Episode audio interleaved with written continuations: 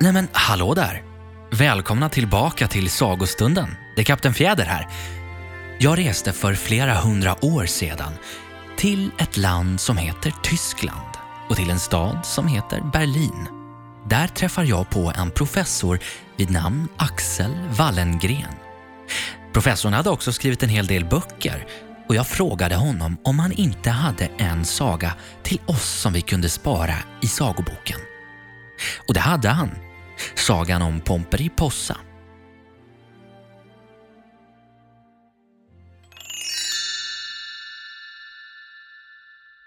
Det var en gång för många, många tusen år sedan en förfärligt gammal trollpacka. Hon hette Pomperipossa. Ja, det är inte precis något vackert namn, men ändå är det bra mycket vackrare än vad hon själv var. Kan ni tänka er hur hon såg ut? Hon hade två små röda ögon och en stor mun med bara tre tänder i. Hon hade fullt med vårtor på händerna och en stor puckel på ryggen. Men det värsta var hennes näsa, för den var en hel aln lång. Ni kan tänka er hur mycket snus som gick åt när hon snusade.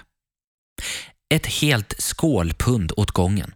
Men det hade Pomperipossa råd till för hon var rysligt rik.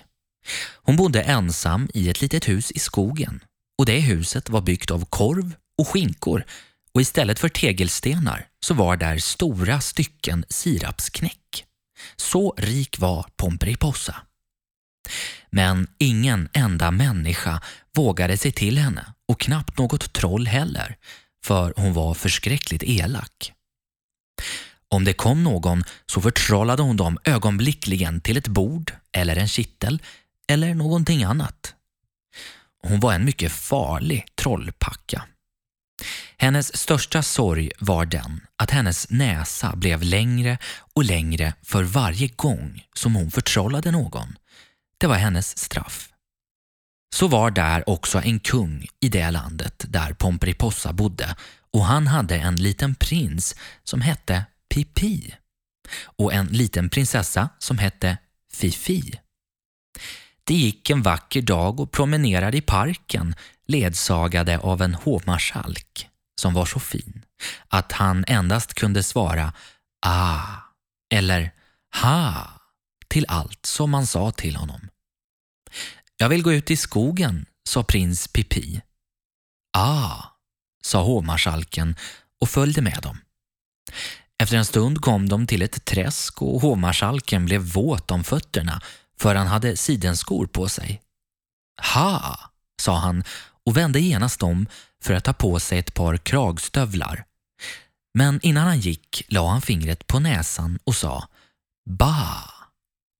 Det skulle betyda Vänta här, prins Pipi och prinsessan Fifi tills jag kommer tillbaka med mina stora kragstövlar på mig. Men det förstod inte kungabarnen utan de gick vidare i skogen. Det var just samma skog som Pomperipossa bodde i. Alla fåglar började genast kvittra. Gå inte dit! Men prins Pipi förstod inte fåglalätet utan sa till sin syster. Om vi skulle ge oss ut på äventyr?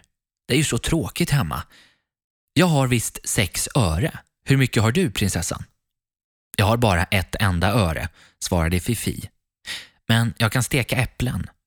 Då kan du ju nästan laga mat. Du får bli min hushållerska, sa prins Pipi. Och så vandrade de ut på äventyr i den mörka skogen ända tills de kom till Pomperipossas lilla hus som var byggt av korv och skinkor och sirapsknäck. Låt oss äta kvällsmat, sa prins Pipi som kände sig hungrig och bröt en stor korv ur huset. Då stack Pomperipossa ut sin långa näsa genom fönstret och såg på dem. Kom hit in, sa hon genast. Jag är er snälla gudmor. Ni ska få syltpannkaka av mig. Prins Pipi och lilla Fifi trodde henne och gick in, fastän de var fasligt rädda. Hmm, sa Pomperipossa och såg på dem. Jag har inte ätit gåsstek på bra länge. Och så trollade hon i luften och strax blev prins Pipi och prinsessan Fifi till två små gäss som betraktade varandra mycket förskräckt. Hovmarskalk, ville prins Pipi skrika i sin ångest, men det lät bara som kakaka. Han kunde inte tala längre, bara kackla. Aj! skrek Pomperipossa och tog sig åt näsan. Den hade blivit en aln till så lång med detsamma som hon förtrollade Pipi och Fifi till gäss. Det var rätt åt henne, skrek alla fåglar i skogen. Vänta ni, ropade Pomperipossa och knöt näven åt dem. Jag ska skicka min trollkatt på er. Vi ska skaffa hjälp, sjöng alla fåglar och flög sin väg för att be storken komma dit och ge gott råd. Storken är den visaste av alla fåglar för han reser till Egypten varje vinter och studerar hieroglyfer på pyramiderna. Nu ska ni få simma mina små gäss, sa Pomperipossa och drev Pipi och Fifi framför sig med sin stora käpp. Det gör er så gott och så smakar ni bättre när jag steker er ikväll och så körde hon den stackars prinsen och prinsessan ner till sjön. Kakaka jämrade de sig, men de måste ändå ut i det kalla vattnet. Säger ni kakaka? frågade Pomperipossa. Ni menar kanske syltpannkaka? hånade hon dem. De förtrollade gässen måste äta små svarta grodungar och vått gräs. Det var annat det än syltpannkaka. Pomperipossa stod på stranden och stödde sig på sin långa näsa som nu var lika lång som hennes ben. I detsamma hörde hon ett prassel bakom sig i skogen och vände sig om. Det var hovmarskalken som hade varit hemma efter sina kragstövlar och sedan dess oroligt letat efter de försvunna kungabarnen. Ha, sa hovmarskalken då han fick se trollpackan. Pa, sa han och drog sitt långa svärd för att hugga näsan av henne. Men Pomperipossa förtrollade honom genast till en gammal kråka som ängsligt hoppade omkring på stranden och sa kra, kra. Ja, kraxa och kackla ni, skrattade Pomperipossa belåtet. Det finns ingenting som kan befria er ifrån förtrollningen. Om ni inte får höra det allra förfärligaste skrik i världen som man kan tänka sig. För då får allt som jag har förtrollat sin riktiga gestalt igen och så blir jag själv till en sten. Men det ska vi hoppas inte sker på ett par miljoner år ännu, sa Pomperipossa och snusade upp två skålpund snus. Det vore rätt åt dig, skrek alla de små fåglarna som kommit tillbaka med den visa storken. Ni retar mig så jag blir varm om näsan, fräste Pomperipossa och stack näsan ner i sjön för att svalka den. Men det skulle hon aldrig ha gjort. För nere i sjön så var det en stor kräfta som inte hade fått middag på flera dagar.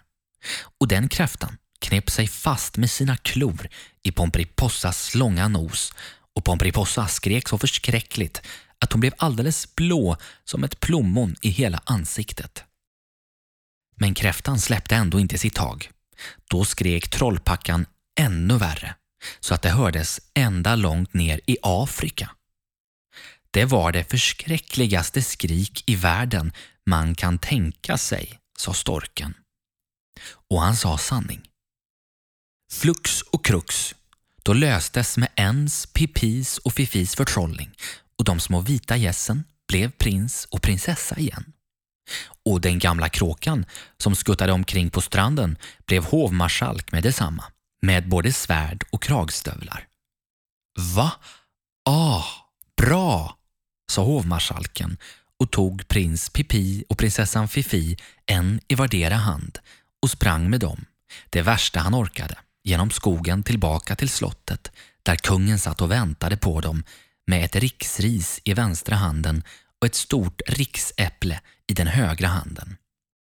Na, sa hovmarskalken lugnande och kungen förstod genast att hovmarskalken menade att de varit förtrollade av Pomperipossa och att de inte kunde hjälpa det. Då blev kungen rörd, stack riksriset i kråset och hovmarskalken såsom en ovanlig fin utmärkelse men gav prins och Pipi och prinsessan Fifi hälften, hälften var, av det stora riksäpplet. Men Pomperipossa förvandlades genast till en stor sten. Du kan själv se henne nu om du kommer till den där sjön fastän hon nu är så övervuxen av mossa och buskar och att hon ser ut som ett litet berg. Men en gång om året, på samma dag som hon förstenades, så blir hon som förr och då kniper kräftan tag i hennes näsa. Och då skriker hon igen så förskräckligt att det ger eko i bergen.